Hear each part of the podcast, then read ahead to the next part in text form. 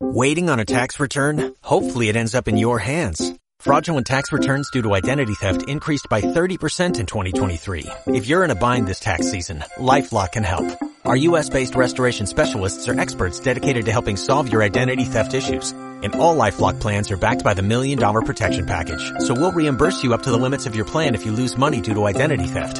Help protect your information this tax season with LifeLock. Save up to 25% your first year at LifeLock.com slash aware.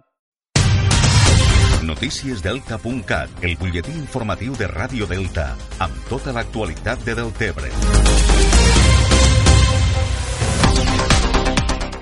Repassem ara l'actualitat d'este dijous a Ràdio Delta. L'Ajuntament de Deltebre executarà durant el primer trimestre del 2019 un pla de xoc per adequar les voreres del municipi i eliminar barreres arquitectòniques. En total s'arranjaran 6.600 metres quadrats d'aceres i s'adequaran 400 passos de vianants, amb una inversió econòmica que fregarà els 350.000 euros.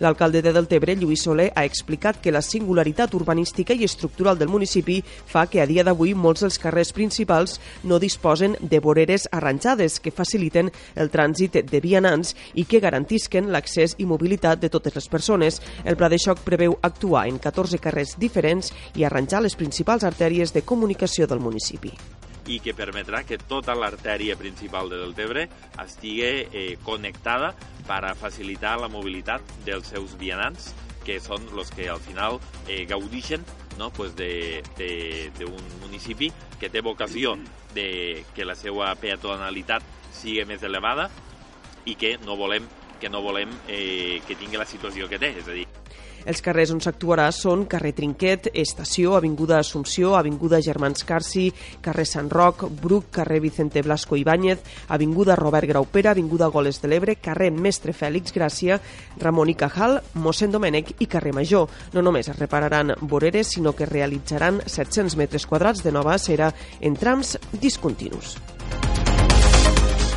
El grup d'Esquerra Republicana a l'Ajuntament de Deltebre presentarà una moció al ple municipal exigint al govern espanyol la creació de la comissió mixta per a la gestió de la finca de Bombita, un compromís que es troba aturat des de 2011.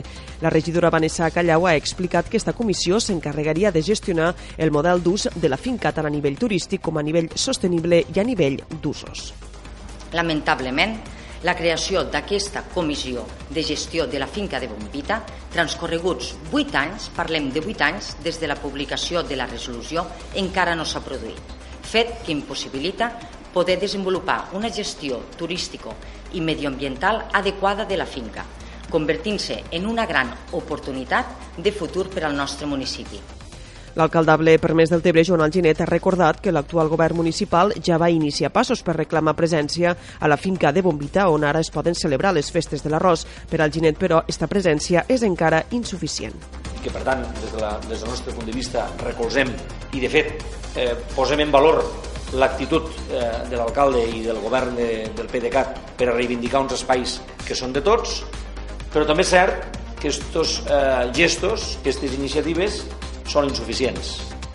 Deltebre no es pot permetre el luxe de gaudir d'un espai natural privilegiat només dos vegades a l'any. Esquerra Republicana no descarta emprendre iniciatives al Congrés dels Diputats i al Senat.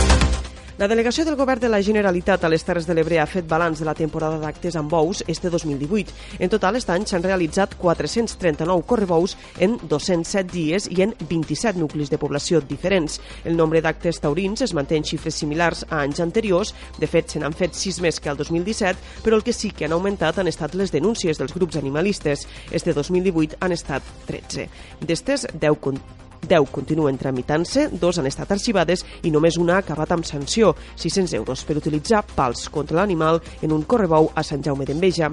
El delegat Xavier Pallarès assegura que l'objectiu és arribar a zero denúncies i a zero sancions. Quan estarem satisfets al 100%? Quan no hi haurà cap, cap sanció. Per què? Perquè voldrà dir que tothom acceptarem eh, que les coses s'estan fent millor.